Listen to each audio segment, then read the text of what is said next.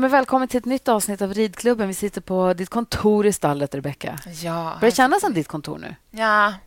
Jo, men lite mer och mer. Jag håller på att städa ut mamma här sakta men säkert. Ja. det har varit ett organiserat kaos innan. Din mamma hittat, den enda som har hittat här har varit din mamma. Exakt. Men nu är det bara att styra upp det lite. Ja, men jag håller på att försöka liksom ja. flytta in. Vi ska prata dressyrträning med eh, Ninni som både, både du och jag rider för och som ja. du har känt jättelänge. Ja. Och som också jobbat på polisrytteriet. Ja, men precis. Jättespännande. Men du hoppade för Sylva häromdagen. Ja. Berätta, hur gick det? Ja, men jättebra. De håller också på att renovera lite här. Jag hör lite ja. att det sågas bakom mig, men ja. så får det vara idag. Jag håller på du röjer helt jag enkelt. Jag håller på röjer här. Det är en traktor i ett ridhus som håller på att byta underlag. Ja. Här håller de på att renovera ett rum som ska bli... Både gymnasiet ska ha det lite som sitt samtalsrum och vi kan ha det som ett vilorum för personalen. Perfekt ju. Ja, Gud, vad bra. Ja, det är ingen rast och ingen ro. Nej. du, sitter, du sitter inte på händerna. Eh, nej, och inte när jag red för Sylva heller. Det var höra. så kul. Och det var också, det, jag var lite extra stolt över att han sa Rebecka, det här gjorde du riktigt bra. Det här är till och med en svår övning för dig. jag bara, jag vet. Vad gjorde ni då? Vad var det för något? Men vi red mycket liksom korta vägar. Mm. Eh, så det var mycket korta vägar och att man skulle vända på bakdelen, som han mycket, ofta vill. Eh, han vill oftast att man rider rakt mot typ väggen och sen vänder tillbaka och hoppar ett hinder. Yeah. Eh, så jag har gjort det mycket för honom förut, men det har alltid varit mitt svåra. Dels för att jag gärna plockar bort galoppen eh, och är lite långsam. Och Här kan man inte vara långsam och man kan inte heller för då orkar de inte över hindret sen. Exakt. Om det går för sakta. Exakt. Man måste tänka, man måste liksom samla i svängen och tänka fram ur svängen. Liksom. Mm. Och Det gjorde jag bra, men salsa känns också så fin. Det var väldigt, väldigt, väldigt roligt. hon känns otroligt pigg. Hon känns jag vet fräsch. inte om det är maten, eller om det är träningen eller om det är en kombination av allt, men det är någonting som stämmer för henne. Ja. Nej, jag tror att det var ett bra upplägg i, efter sommaren som jag gjorde. När vi, hon fick vara ledarhäst när vi red ut på alla ridskolehästar. Så hon var liksom ute i två timmar nästan varje dag. Det var hennes igångsättning och det tyckte jag kändes Pratade perfekt. om det i podden, att jag fick en sån aha-upplevelse när vi var på... Vi, Nicky rider oftast bara en klass om dagen, har det blivit, när ja. hon tävlar. Så var, när vi var till Mjölby så red hon ju två klasser efter varandra. Bara lätta klasser, men ändå. Och då slog det mig just det här. Har vi pratat om det i podden eller bara i stallgången? Nej, jag tror... Nej, men det bara slog mig att så här, Milan går aldrig två timmar. Nej. För det blir ändå att de håller igång, även om man så rider fram, hoppar, vilar lite, men man sadlar inte av. Eller vi hann inte det då. Utan han står och vilar och käkar lite och dricker vatten och liksom laddar ju om. Och Sen så rider man från kortare till klass två. Men bara att hålla igång mentalt under lite längre tid att vi, vi gör det så sällan. Ja. Det blir att man rider ut kanske max en timme. Ja, eller, det är lektion också kanske en timme. Ja. Men det här att hålla på i två timmar med lite lugnt, det måste vi faktiskt öva på lite, tror jag. Ja, ja men det är det. Och sen blir det också svårt tycker det är sällan jag rider ut själv i två timmar också. Det är om man har någon jättelång runda eller man vet att man ska du vet, Ja. ja. Eh, men annars så brukar jag ändå försöka nu. För nu är också så här, nu är det bra, de här tre hästarna de funkar så himla bra att rida ut tillsammans. Mm. Och Då brukar jag alltid ta med mig några tjejer på dem, alltså så att jag får ut alla tre samtidigt. Mm. Och Då är det också lättare att få ut dem en längre runda. Alltså mm. att man ändå försöker vara ute minst en och en halv timme. Typ. Ja, det blir också mycket skritt ute. Speciellt ja. här. Man möter ju folk hela tiden. och så. Nicky var ute och red häromdagen. Det, då var det bara vi ute. Det var skitmysigt. Alltså höst, fin höstdag. Och hästarna då pigga. Ja. Jag brukar annars passa på att rida ut när det regnar, för då är man också själv. Ja. Nicky red ju också för Silvia. Jag var inte här då, jag missade det. Nej. Eh, vad spelade in en jättesvår frågesport på tv? Men eh, eh, Nicky var också jättenöjd och jätteglad och tyckte det kändes jätteroligt. Ja, men gud vad roligt. Och det är också det som är så retligt att Milan känns som att han är i sån jäkla fin form och på så glatt humör nu och så att hon inte kom med till Jönköping. Ja, för att hade hon kommit med till på Agri Pony Trophy så hade det kunnat bli skitkul. Ja. För han är verkligen så här på tummen upp. Liksom. Hon red barbacka igår kväll. Vi var ensamma här. Vi var här sent på kvällen igår. Eller sent, vi var på kvällen. Eh, så red hon barbacka i ridhuset. Så stod det hinder framme. Hoppa, hoppa barbacka. Nej, Man ser Milan tycker det är skitkul. Ja. Gud, vad härligt. Mm. Hur går det för dig, Rita? Eh, jag rider. Ja. jag har ridit ut ganska mycket. Det går jättebra. Jag tycker det är jättekul. Sen så red jag i ridhuset försökte trimma lite häromdagen. Och då kände jag bara vad svårt och vilken skillnad det är på ridning. Även om man jobbar, alltså när man rider, när jag rider ut, man försöker liksom flytta och jobba och ställa och yeah. dona. Men det är skillnad alltså på att rida i ridhuset och rida ut. Absolut. Jag kände det så här annorlunda. Ja. Det tog en stund innan jag liksom kom på det. Och sen ute tycker jag oftast att där, där kan man ha en plan om det är nåt man behöver träna på. Men där kommer det lite mer naturligt när man gör mm. olika saker. I ridhusen måste man göra mer en strukturerad plan. Ja. Vad som ska ske under den här timmen. Och så blir man så löjligt... Så här, Anna-Karin, som också har hästar i stallet, hon var i ridhuset samtidigt. Ja. Då blir man så himla glad. Hon säger men gud, det ser bra ut. Man bara, tycker du? gud, vad härligt. Så växer man hon bara, men den där kan du hoppa på. Jag bara, jag hoppar inte mera. hon bara, jo, bara lägg fram bommar. Bara, ja. Men det där är också, vad heter det, Ninni som, vi, som sitter bredvid oss nu och väntar på att få komma in i samtalet. Också expert på att peppa en och få en att känna sig bra, som att man vet vad man håller på med, fast man uppenbart inte gör det. Och jag träffade precis en i stallet nu som red för Ninni faller första gången. Ja som också är jätte... Så, så här, du vet när man ser hur när man, så här, After Ride lyser. Ja, och hon bara, är... det var så roligt och Ninni är fantastisk. Och man ja. känner sig, hon sa att hon bara, jag är så duktig på att säga till mig själv att jag är så dålig hela tiden. Och där är ju Ninni... Välkommen hit förresten. Tack så mycket. där är du expert på att få en att känna sig bra. Och du är så jäkla duktig på att eh, ja, men peppa och instruera på alla olika nivåer. Och Det tycker jag är så himla roligt. Var har du lärt dig det? Ja, vad har man lärt sig det? Till att börja med så är jag fruktansvärt ödmjuk själv. Med hur, jag vet hur svårt det är mm. att rida eh, och hålla på med det här. Så det blir jag påminn om varje dag. Mm. Så även... Ja, man kan tycka en del säger hur orkar du stå år ut och år in och säga samma sak? Men eh, det är ju så. Det är ju så svårt. Jag vet ju om det. Så det tar sån tid att lära sig. Och sen så är jag nog duktig på att inte dra alla över samma kant. Nej. Utan man måste möta både elev och häst där de befinner sig där och då. För vilken nivå, upp till vilken nivå tränar du och tävlar du? Tävlar gör inte jag Nej. mer. Jag har ju inga hästar Men har kvar. tävlat? Ja, jag, kom ju faktiskt, jag tog ju faktiskt då mitt gröna kort förra året och hann med en tävling. Så länge sedan var jag tävlade. eh, nej, men nivåer som jag elever så är det jag har ju både hoppryttare och dressyrryttare. Ja. Och det är ju hoppningen från väldigt låg nivå upp till väldigt hög nivå, likadant i dressyren. Mm. Så att jag har en väldigt bredd på elever. Mm. Och... Men du tränar bara i dressyr, fast hopp, hoppryttare i dressyr? då? Mm. Ja, Sen kan jag absolut ibland ta fram bommar och så. Ja. Just för att kanske just bara för att kontrollera, framförallt med hoppryttarna. Att, ja, men har vi en bra rytm? Har vi en bra galopp? Och det blir mer tydligt för hoppryttarna när man pratar bommar. Du säger ofta det när man rider. Det också när du tränar de andra hoppryttarna här. Alltså, tänk dig som att det står ett hinder nu, att du mm. rider mot ett hinder, att man tänker in hoppridningen mm. i dressyren. Mm. Smyger in det där lite grann. Mm. Det gör jag väldigt ofta ja. med hoppryttarna. ja. Men det blir tydligt då. Då ja. säger man det. Och det är lika med dressyrryttare. I hoppningen lär man sig ganska tidigt där att räkna galoppsprång relaterade. Här ska det vara fyra steg jämna. Mm. Och det försöker jag få in i dressyr, alltså även de som rider dressyr. Mm. Det här att rida jämna steg. Men det här som vi, du säger vi hoppryttare, jag har inte varit hoppryttare på 20 år, men hoppryttarna då eh, håller på med, kallar du det dressyr? Ja, för mig är det lite som samma. Ja. Nej, men jag gjorde det förut när jag hade egna hästar och så här, då, även om jag inte hopptävlade så hopptränade jag när hopptränare... Ja, jag hade ju häst här då. För jag tyckte dels för hästarnas skull och sen ville jag underhålla hoppningen. Men mm. jag tänkte ju likadant när jag red framme.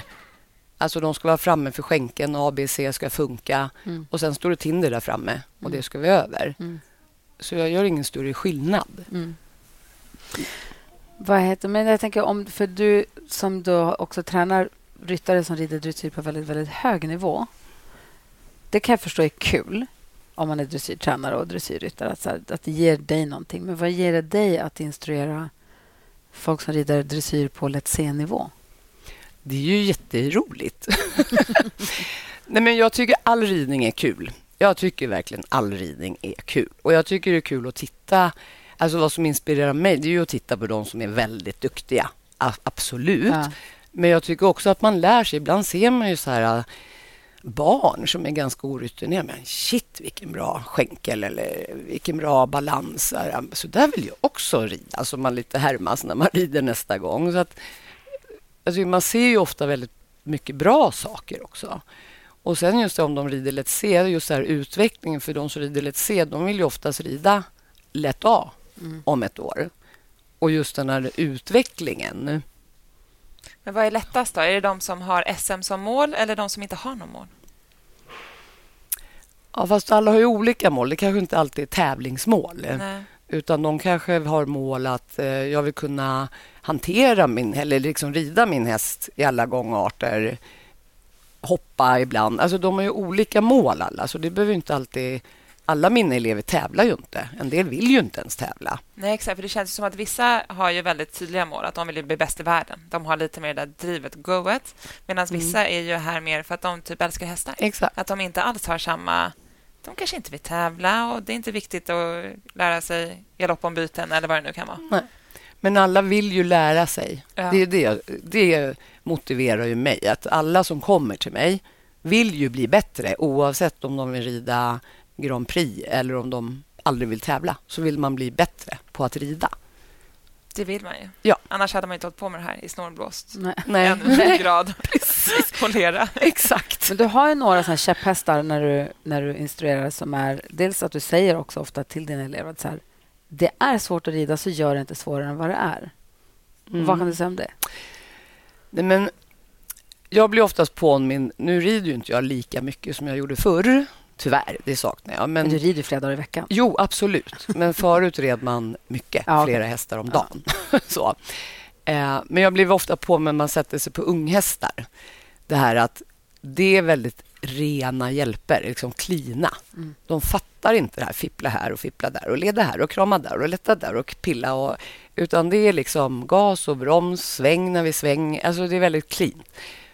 Och det tycker jag vi ska ha kvar lite när vi även i utbildningen sen framåt.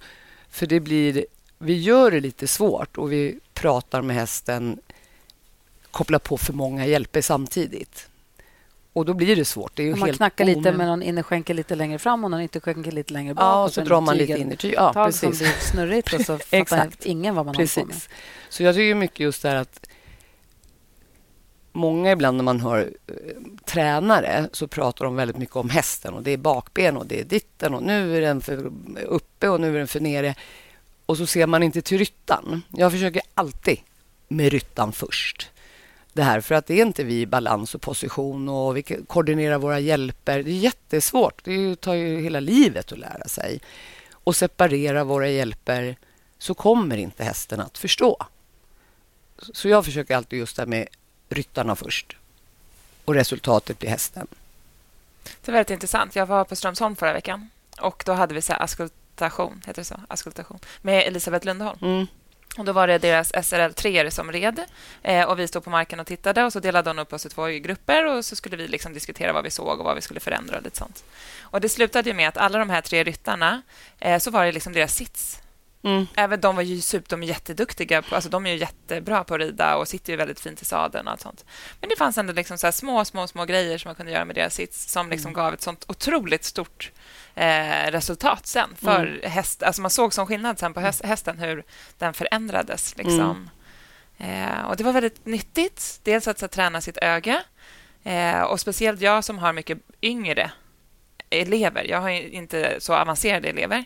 Då är det också så här nyttigt att få träna sitt eget öga, vad man ser när det är så här små detaljer. För de som är lite yngre är det ju kanske lättare att, att handen ska vara lägre och tillsammans eller försöka att trampa lite mer i stigbygeln så skänken blir still. Eller det är ju liksom lite olika saker som man tränar på.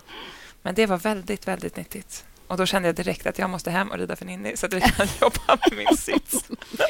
Men jag tror att ridskolorna har ju en sån otroligt viktig roll.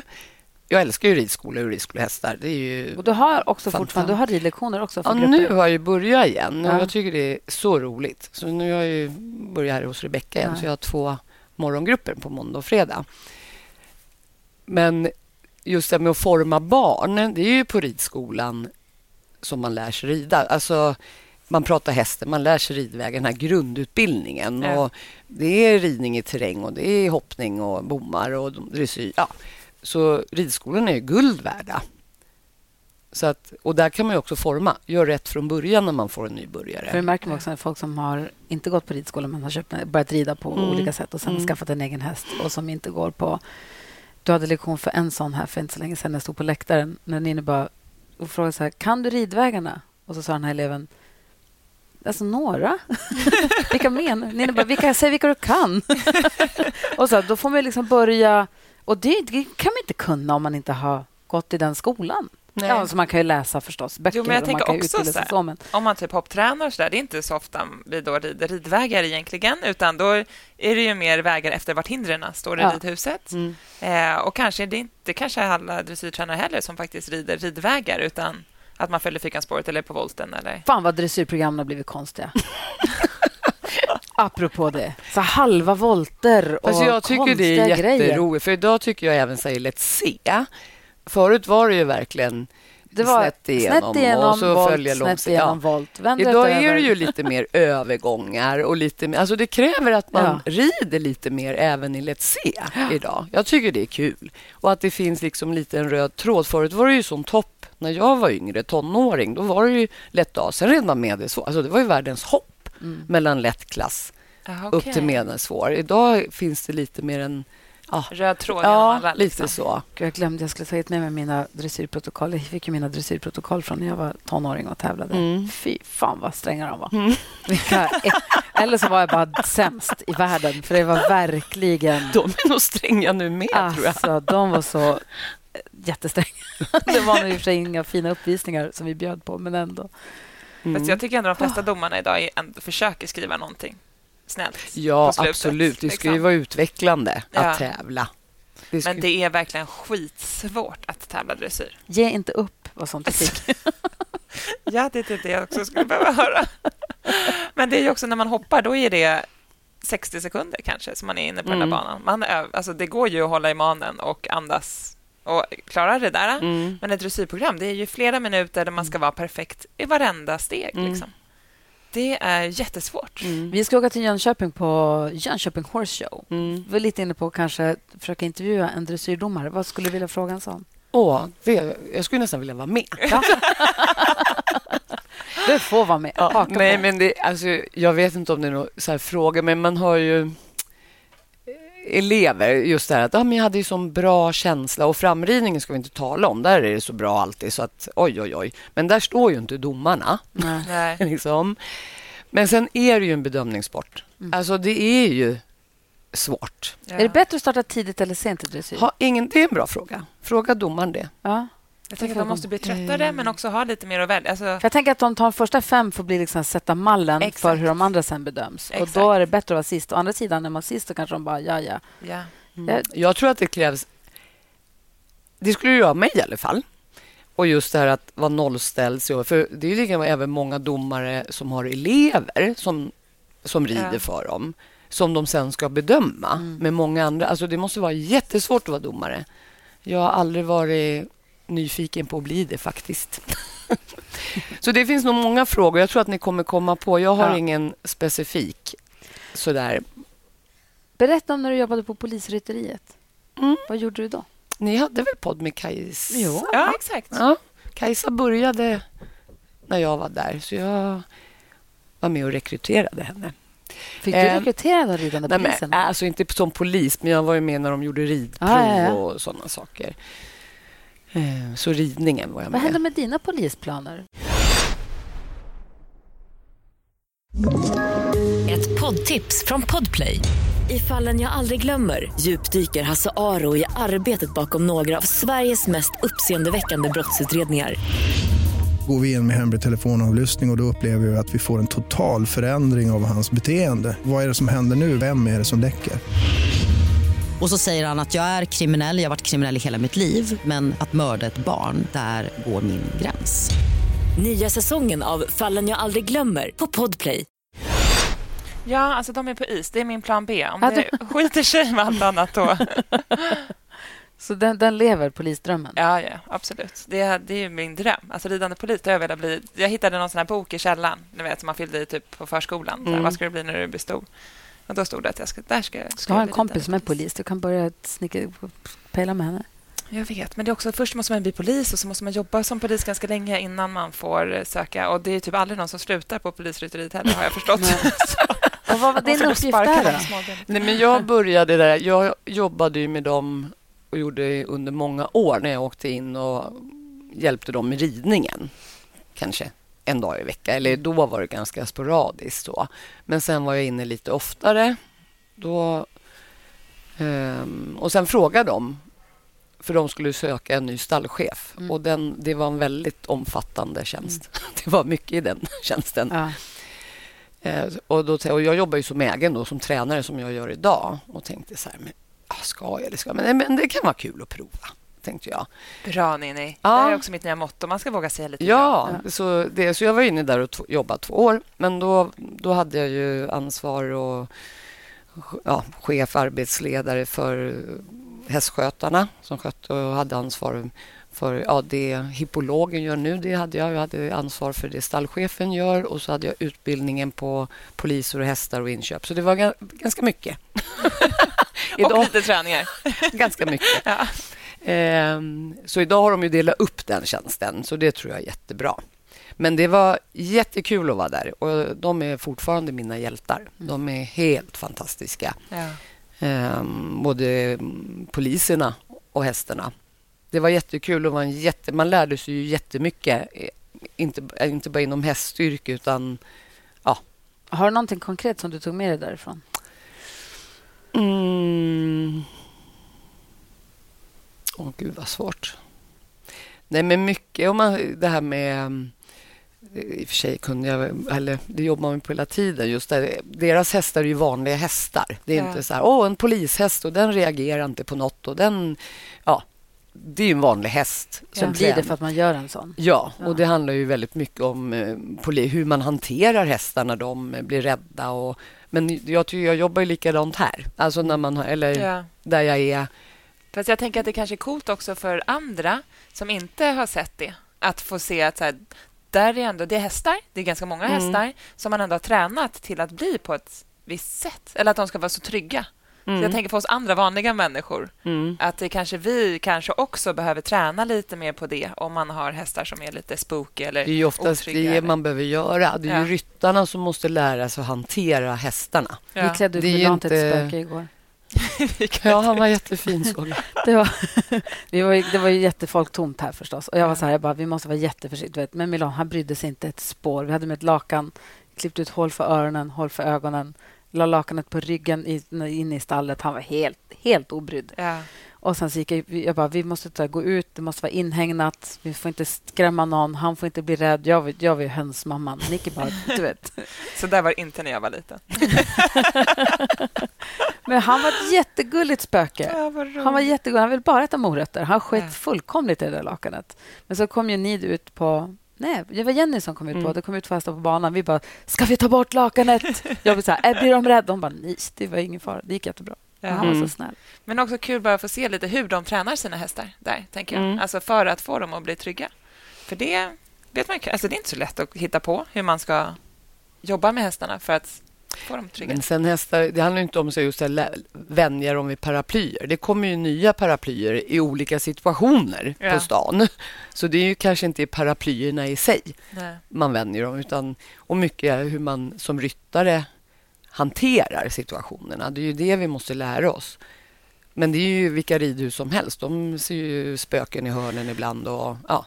Men om man pratar om att det är svårare och svårare att hitta eh, hästar till ridskolorna. Jag läste någon artikel på om det var Ridsport eller Hipson också som hade gjort någon artikel om det. Att det är svårt. Jag tänker du som söker hästar till ridskolan också, Rebecka. Ja. Eh, för att man aven gör dem nervigare och nervigare. Mm. Eh, blir det svårare och svårare för poliserna att hitta hästar? Nu är inte jag Nej, där så mycket. Nej, jag kom på det precis men... när jag började fråga. Så jag på det.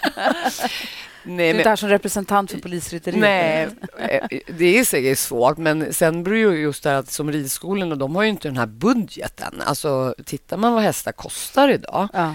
Förr kommer jag ihåg, då åkte vi och köpte lektioner. då var det ju så här, ja, det går ett gäng i hagen och så åkte man dit och nej, men vi provar den här och den här och den här. Och det var inte, vi fick, man, man fick ju liksom fem hästar. Mm. För det var en häst kostar idag. Mm. Så att eh, jag förstår att det är jätte, jättesvårt. Mm.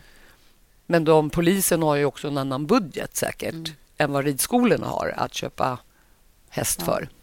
om, man, om man släpper rid, eh, poliserna då, och, förlåt, och eh, eh, går tillbaka till den här dressyrträningen som du gör med oss, som, som du gör varje dag. Eh, vad är det du ser för... Vilken är liksom den vanligaste... Det måste finnas en gemensam grej vi alla gör lite fel, eller?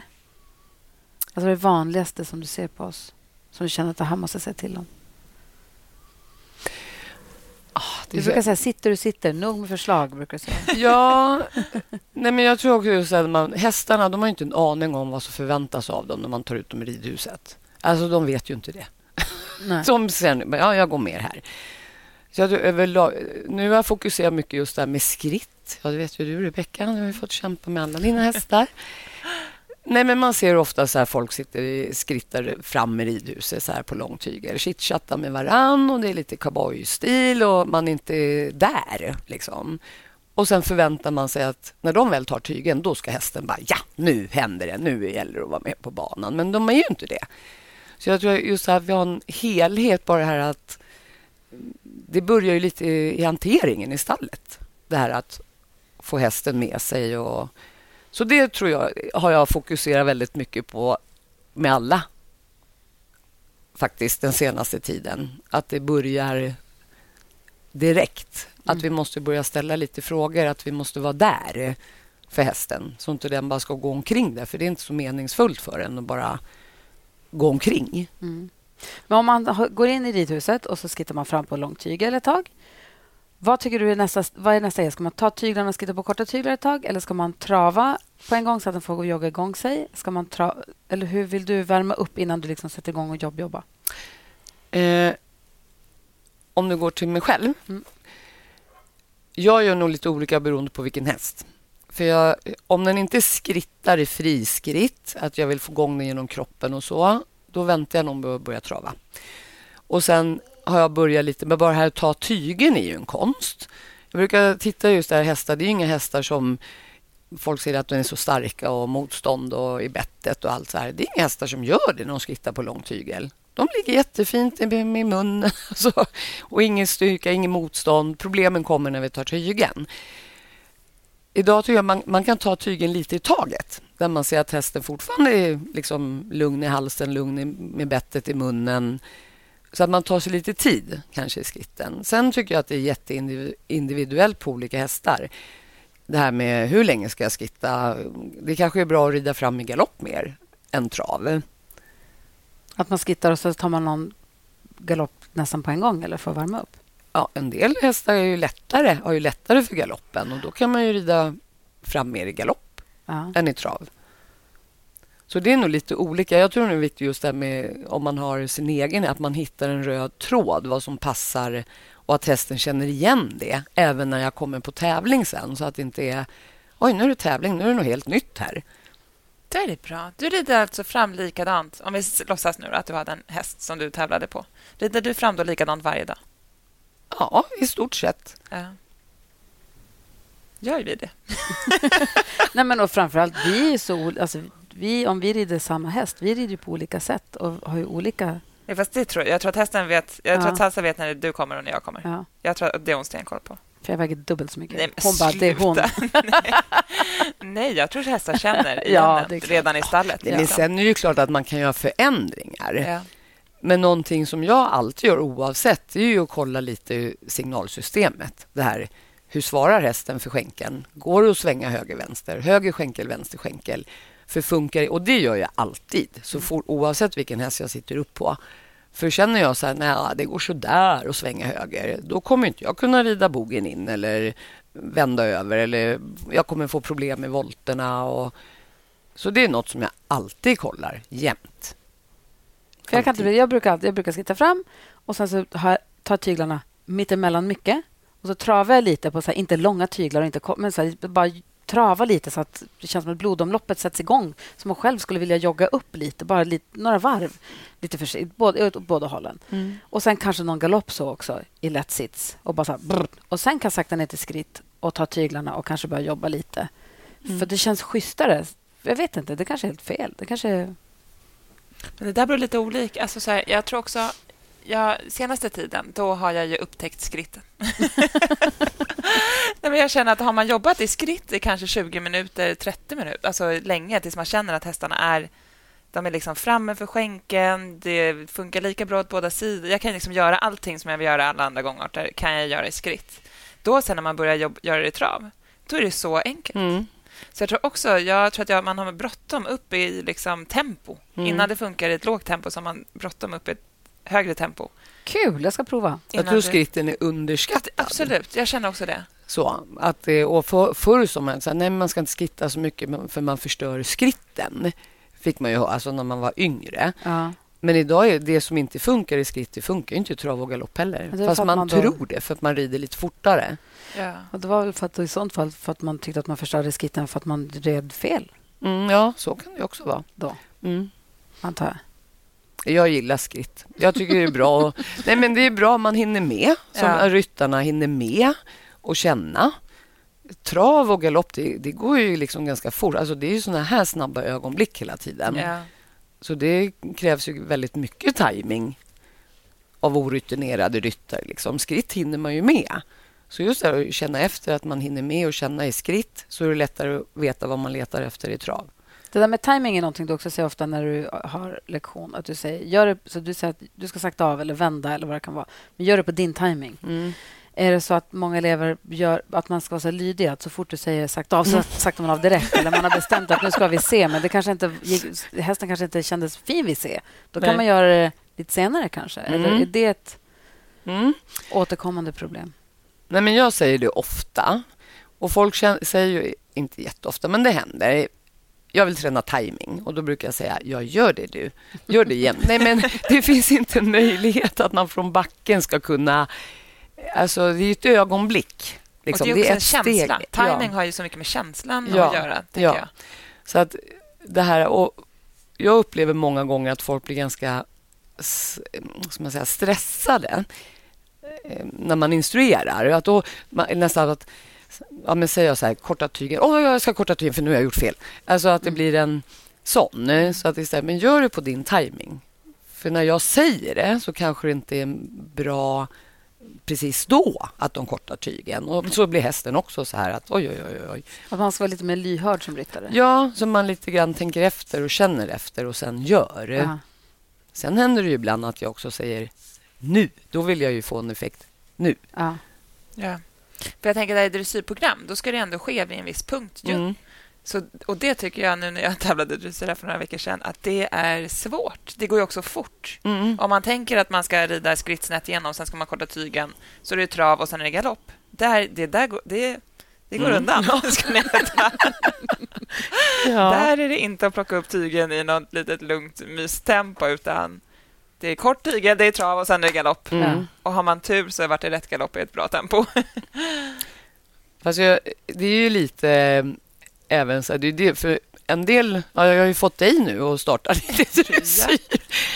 så, men jag tycker det är roligt och just det här att när, jag menar, hoppryttarna liksom tycker det är lite kul med dressyren. De märker liksom wow, vilken feeling. Oj, oj, oj. Så här då har man ju fått några att starta på någon lättklasstävling och det har ju gått väldigt bra också för många. Jag tycker det är roligt och det, då känner jag mig stolt också att man är utbildningen och sen kanske de hoppar 1,30 men de har liksom ridit en lätt B ja. på jättebra procent. Det tycker jag är kul. Ja. Alltså det är en bra grund att stå på. Ja.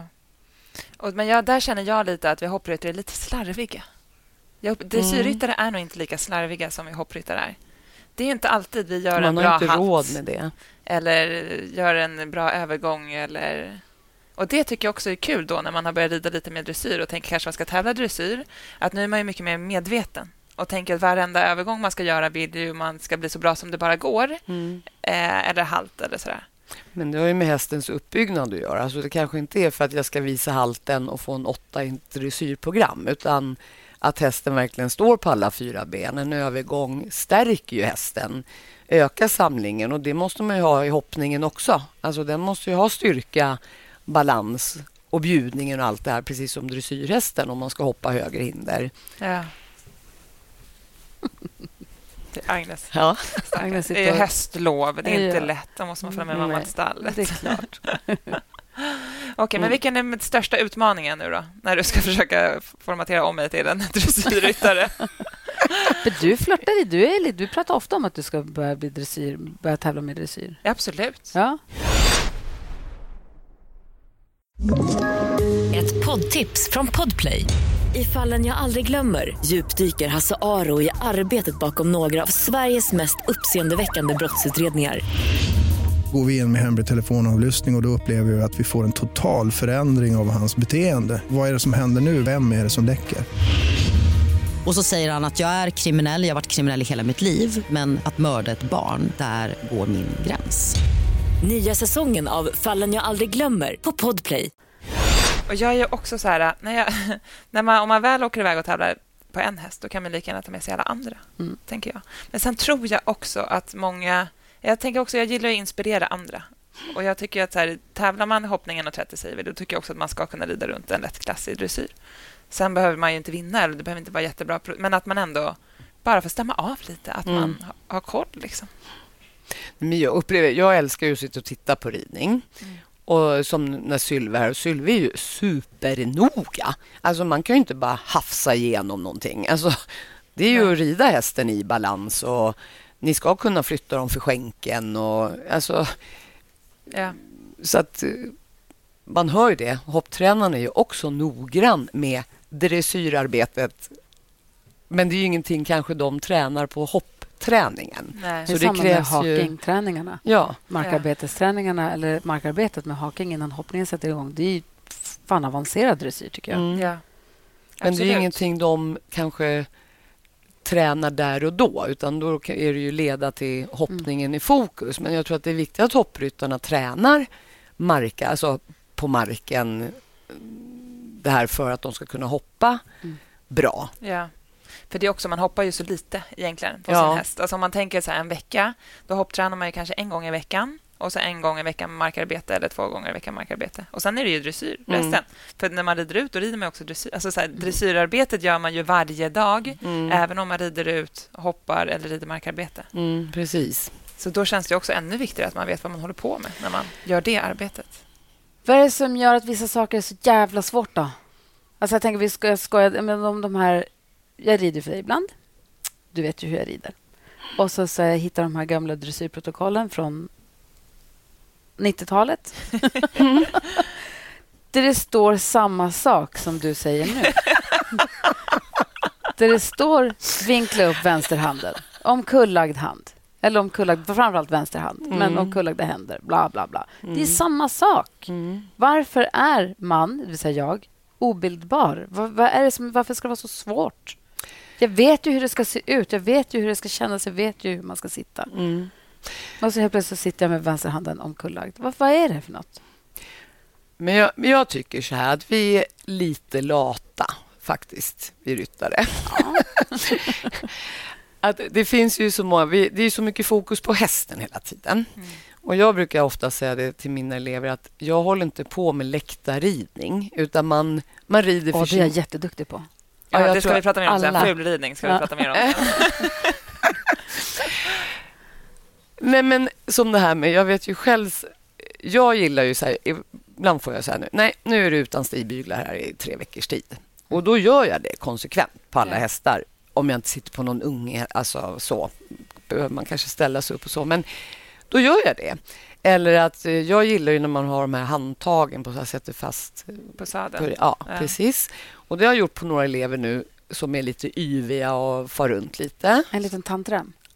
Ja, inte ja. runt halsen, utan man sätter den i sadeln. Precis, jag, ja, den är på en av sadlarna. Ja. Precis.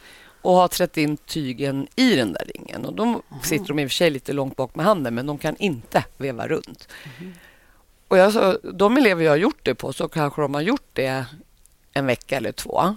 Och jag tänkte så här, men alltså, gud vad bra. Det här har liksom sparat mig ett och ett halvt års jobb. Ja. Istället för att tjata på dem, in med armbågen och in till med armarna. Så har de liksom kört det här och så har den hjälpt till att så hamnar de där. Mm. Vrid om handen. Man kan ha ett litet spö eller en liten pinne på tummarna. Så att vi får inte vara rädda liksom att ta hjälp Nej. av... Eh, så det inte är så här prestige. Nej, men så dålig är jag ju inte så jag behöver göra det där. Alltså att man släpper lite på det här. För det finns ju väldigt mycket att göra så att det går snabbare. Ja. Alltså man behöver ju upprepa så många gånger. Jag vet inte, men det är så många tusen gånger så att för att bli av med ett fel och rätta till det tills det blir rätt. För mig är det hjälpt skitmycket. Det var någon gång när jag skulle rida ut på salsa och du sa ta grammantygen bara. För det var då hon hade vilat eller vad det var. Hon kanske var lite yster. Ja. Jag tog grammantygen på henne.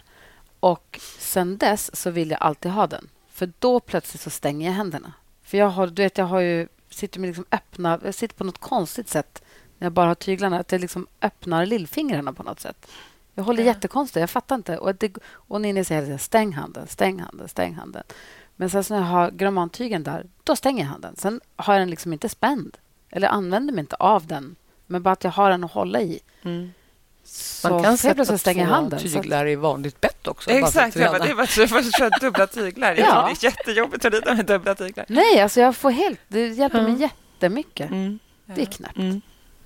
Jag tror också att man ska hitta lite såna där äh, enkla, det är inte enkla lösningar, men ändå så, sånt som kan hjälpa en Mm. lite att hur man blir en bättre ryttare. Ja. För sen är vi också så olika. Vissa behöver ju se för att bli bättre, vissa behöver ju höra och vissa behöver känna. Det är liksom så mycket olika sinnen som man ska... Det är nästan svårast när man har ridlektioner, tycker jag. Mm. När det är tio elever och alla lär sig på olika sätt. Mm. Så det tycker jag är jättebra. Det kan jag göra även om jag tränar alltså med privatryttarna. Så kanske jag har en... Det gör jag ganska ofta. Det här att eh, kanske eleven efter håller på att rida fram. Och så är det något så vet jag att den där eleven som håller på att rida fram är väldigt duktig på den där grejen som jag ska göra med eleven jag har. Så då kan jag säga, hallå, kan du visa lite? Ja, så. Ja. Det är jättebra att göra så. Det här att, precis som du säger, att man också visar och kan hjälpas åt med det lite så här i ridhuset. Man kan ju, jag brukar ta någon privatryttare ibland, så där, rid med. Och det är Visa. faktiskt jättebra. För jag kan också tänka mig, eh, har man aldrig sett en skänkelvikning, Mm. då är det omöjligt att veta veta. hur den ska se ut Ja. genom att bara jag instruerar. Det här är yttertygen, det här är innertygen, det här är du vet, man ser på barnen, det är liksom, Mm. de är som frågetecken där i sadeln. Så det tror jag också är jätte, jätte, jätteviktigt. Mm. Det skulle också behöva göra mer, känner jag, som ridlärare. Att man kanske antingen har på sig ridkläder så man kan sitta upp och visa, Mm. eller att man har en Föråkare som är med. Exakt, Ja, en det är som är med, liksom, som Mm. bara visar hur man gör. Det tror jag är supernyttigt. Men det här med fulridning, det brukar du säga ibland. Och det här vågar jag fel. Jag har tänkt på det så mycket senaste tiden. Att jag tror att jag är... Det är nog som jag är person, att jag vill liksom inte göra fel. Och så blir det ju då, så i ridningen också. Mm. Och då blir det ju lite att man vågar ju inte testa, eller man vågar inte så utmana sig på samma sätt. För att Mm. man, det blir ju lite läskigt om det blir fel. Men det är ju också inte hela världen om det blir fel, det vet jag ju. Ja, nej men alltså man måste ju... Jag tror inte ens Grand Prix-ryttarna gör rätt hela tiden. Alltså man är lite efter och man gör för mycket och man gör för lite och inte rätt timing. Man måste liksom våga att det blir fel ibland. Eller man... Alltså det finns ju bra fel och så finns det dåliga fel. Att man blir arg på hästen och börjar slå den. För att, ja, Ja. det är ju dåliga fel. Men sen Exakt. det här att man är inte perfekt och man gör lite för mycket och man gör lite för lite. Man måste ju våga prova. Ja. För annars kommer man ju aldrig lära sig. Så det tycker jag är viktigt. Och det är det som är fulridning. Nej. Fulridning. Men jag tycker ofta att alla är så, det är så fixerande vad hästen har huvudet. Bara den har huvudet lite inne så ser det bra ut. Den ska gå på tygen. Ja, fast om. är den... Nej, men det Är den gör på de ju oftast tygen inte. eller- Men det är, ju, det, är, Ja, det är men, många som känner som att det är viktigt att hästen går. Ja. Jag är, så här, jag är jättedålig, eller jag, vet, jag kan inte ens det här lite fixa till huvudet när jag sitter upp själv. Eh, så att har någon suttit och hållit hästen i eftergift, alltså att man håller den på tygen. Sitter jag upp då så kommer den där hästen köra upp huvudet när jag sitter upp. Eh, och då måste jag jobba lite från grunden, liksom fram till handen, ja, stämma av. Basic så kommer, jag vet att den kommer komma till eftergift, men den kommer inte göra det På, på fem gång. minuter. Nej. Men då Men tar folk jag... fortfarande har det fokuset framifrån och bak. Att den ska först börja på nacken och sen så ska jobbet komma bakifrån. Att det är det folk gör. Ja, det händer. Ja. Det är inte ovanligt, det är Nej. jättevanligt. Så. Så, och då, kan det se, då ser det inte så fint ut när jag sitter och rider där i början. För då kanske den är... Och då, ja, men då gör, avdramatiserar. Ja. Liksom. Det här, för mig är det inte fulridning, men jag kallar det det lite. Det är, ingen, det är ingen stor sak. Jag har inte panik när de går så. Jag vet att den kommer komma till den där eftergiften, men det kanske tar en liten stund. Mm. Så det är inte fulridning, hej och hå. Ja, Man har ändå annat. en plan. Alltså så här, du har ju en plan. Ja. Ett slutmål som är densamma som vi alla har egentligen. Absolut. Bara att vi gör på lite olika sätt. Ja. Nej, jag har jättesvårt. Jag, kan, jag vet inte hur man gör. Nej. Eller jag kan säkert sitta upp och fixa till huvudet på hästen, men det, det, det är inte min grej. Alltså få att Jag på nacken är kanske inte det viktigaste. Men vilken är din bästa eh, lösgörande övning då? Din favorit? Åh, gud, det är ganska många.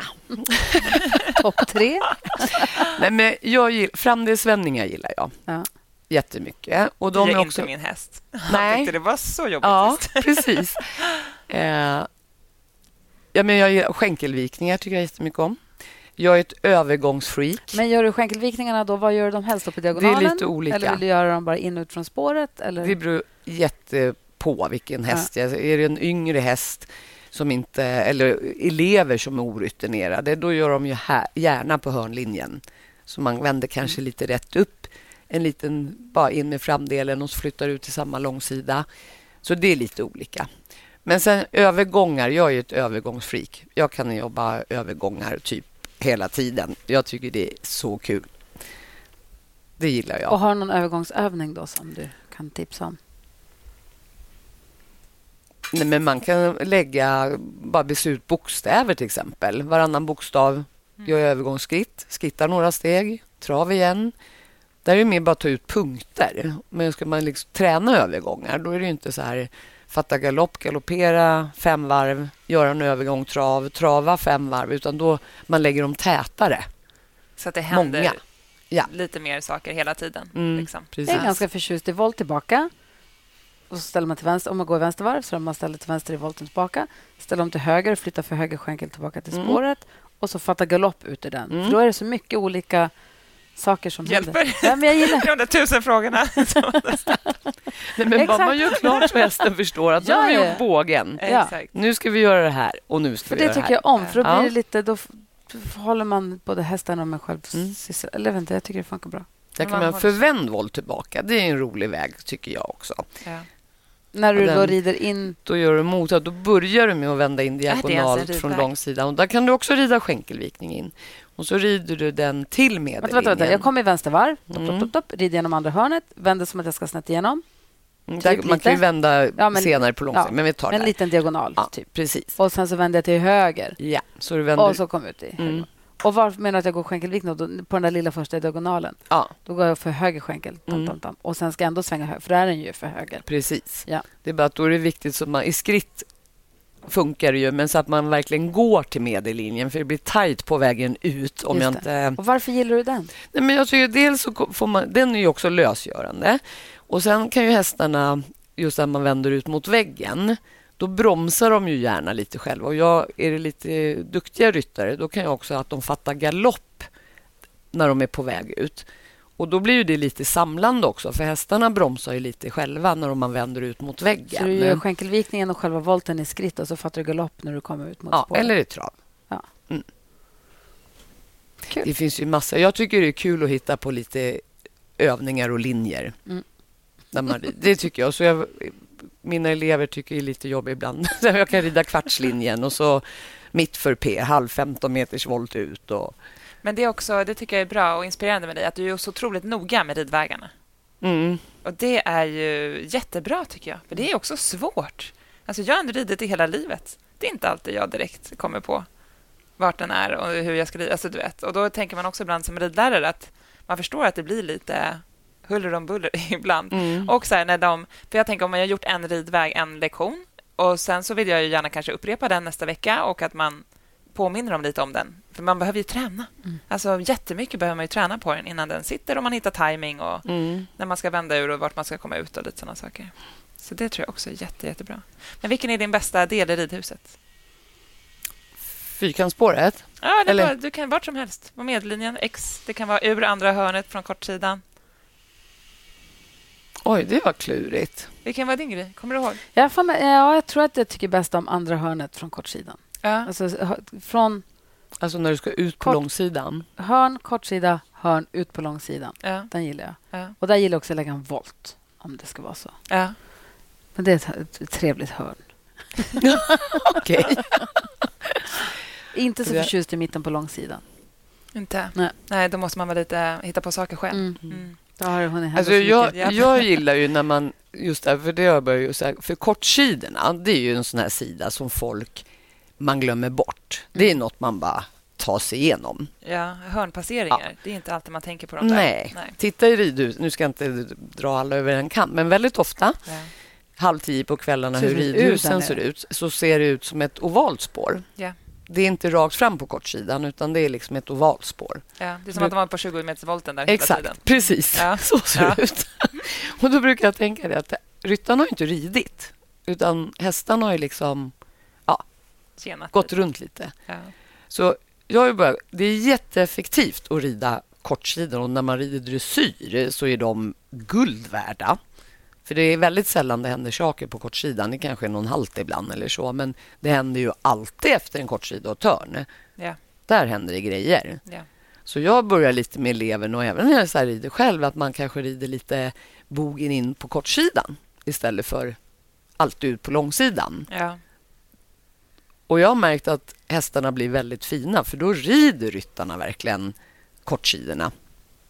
Precis, då måste man göra den där hörnpasseringen så att man är klar. Ja, Eller så att ja, man ja. också är förberedd för Exakt. eventuella övningen som kommer där Precis. framför sen. Liksom. Men det är också när vi har tränat lite nu inför dressyrprogrammet så har vi eh, inte gjort saker där de ska vara. Typ öka traven snett igenom. Utan det har vi gjort det på någon annan linje. Ja. Och varför gör man så? Nej, men hästar, det, det, är det som är så intressant. För när man börjar rida lite dressyrprogram och så, det tar inte många gånger innan hästarna lär sig ah, diagonalen här ska vi öka. Eller typ, här byter vi galopp. Ja, exakt. faktiskt på en Men då tänker man, jag så här, för folk är så här, man upprepar saker så många gånger. Som du sa, Gry, herregud, det är ju samma som det var 94. Vrid om handen. Ja. Men om man säger till hästen, de lär sig ju väldigt fort egentligen. Ja. Och då tycker jag så här, kanske att man har tränat de här bara för att ryttarna ska... Ja, där ska det vara en ökning och där ska det vara en skänkelvikning. Och så här. Men kanske man tränar den där ökningen på nåt annat ställe så man inte alltid bara ökar på diagonalen. För då kanske de springer iväg och då blir inte övergången tillbaka. Det är inte ridvägen så... som ska avgöra utan att det är ridningen. Exakt. Eller precis. man vill att hästen ska vara på mina hjälper, ja. inte nu tror jag att vi ska öka trav. Precis, exakt. Precis. Nej. Ja, men det tror jag också är rätt fiffigt. Det ska också, jag ska också aldrig någonsin igen byta galoppsnett igenom. Nej, men de lär sig ju så fort. Det kan mina hästar utan ja. ja. Jo, men det är så. Nu byter vi varv, så byter vi galopp. Ja. Det har jag märkt mycket hopphästarna, framförallt, men även i dressyren. Just det här med byten, att det är ungefär som att det är en automatisk tempoökning. Ja, så kommer de i en galopp, sen är det fullt sken efter det där bytet. Och Då tänker jag så här, herre, hur gör de när de hoppar? Ja. För jag tänkte, då måste det gå så fort till slut så att... Ja. Just det här ja. att öva så att man kan byta galopp. Rider jag på tvåans växel, ja men byt galopp på tvåan så har jag tvåans växel efter bytet också. Exakt. Så det jobbar jag med ganska många hoppryttare faktiskt. Och att inte hästarna ska byta, kasta sig iväg bara för att man byter varv. Nej. Det är väl säkert smidigt när man hoppar, antar jag. Alltså, alltså, eller mm. kommer själv man, skönt när de byter. Man behöver inte tänka på det. De landar i rätt galopp eller byter galopp om de är i fel galopp. Ja. Men, Men där tänker jag också typ som Kalessi, unghästen. Hon, när man lär hästarna byta galopp, då gör man det oftast snett igenom. Eller så har jag gjort alltid i alla fall. Jag kanske har gjort fel. Ja, det är nog olika. Men det, ju, ja. det handlar ju om att skifta galopp i början. Ja, alltså, baserat om man förstått. Ja, och det gör ju också med hästens balans. Ja, det är ju sällan de... Springer de i hagen springer de ju sällan i förvänd. Nej. Alltså, de byter ju själva. Ja. Det är jobbigare för dem att springa i Men det är väl mest Exakt. praktiskt. Jag tänker, jag sitter och tänker på det. Det är väl mest praktiskt för att ha längst sträcka och det är ett naturligt sätt att byta galopp. Ja. Det är väl inte så konstigt, tänker jag. Nej. Jag vet inte. Jag frågar det. Jag kan inte. Jag gör som det Man känns. ska vända rätt upp och öva galoppombyte där. Det känns ju jättekonstigt. Jag vet inte om jag kan vända rätt upp i galopp. Jo då. Det kommer nästan när du ska rida lätt A här nu, Rebecka. Då kommer det. Ja. ja. 2030. Det är tur att jag har lång tid på mig. Ja. ja. Så roligt. Ja. Det är så roligt med hästar och det är kärleken till det här som vi håller på med. Att man, det är, som vi har sagt så många gånger, det är så roligt att hålla på med, men det också är roligt att prata om. Ja. Det är så knäppt. att man kan sitta och prata om och teoretisera runt ridning och hästar Mm. Mm. lika mycket som man kan rida och utöva det. Mm. Ja, det är verkligen så härligt. Nu ska vi åka till Jönköping och få lite inspiration, Ja. tänker jag. Sen vi får tag på någon dressyrdomare som vill prata med Ja, oss det ska, det ska jag lyssna på. Det är Ja. jätteintressant. För Ja. det skulle jag också. Jag med, så att jag vet vad jag ska träna på. Ja. Och vart jag kan liksom, eh, samla de här pluspoängen. Ja. Ta in Ja. mycket lyssnarfrågor. För Det kan jag tro var många som kanske har mycket frågor kring. Alltså, var finns de här gratispoängen som man kan hämta som man glömmer bort? Exakt. Hur mycket kan man picka på med skänken de inte ser utan att de ser? och när är det bäst att starta? Ja, Det är, de, tre- det är mina frågor. Sen får ni ha era frågor. jättebra. Jag ska skriva ner. Jag har ett gäng. Hör, Ha ett mysigt... eh, Ha, ha, vad ska du göra? Ska du åka, åka till Jönköping? Nej. Nej, jag ska jobba och jobba, jobba, jobba. Det är jättemycket den här veckan. Jaha, Mm. du ser. Det är så när det är lov. Då vill alla rida. Ja, faktiskt. Ja. Ja. Tack för, för att du fick sno din tid. ja, tack för att jag fick vara här. Jätteroligt. Hej! Hej, hej.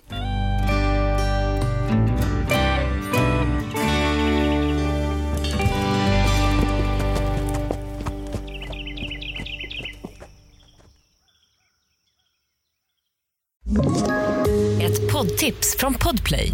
I fallen jag aldrig glömmer djupdyker Hasse Aro i arbetet bakom några av Sveriges mest uppseendeväckande brottsutredningar.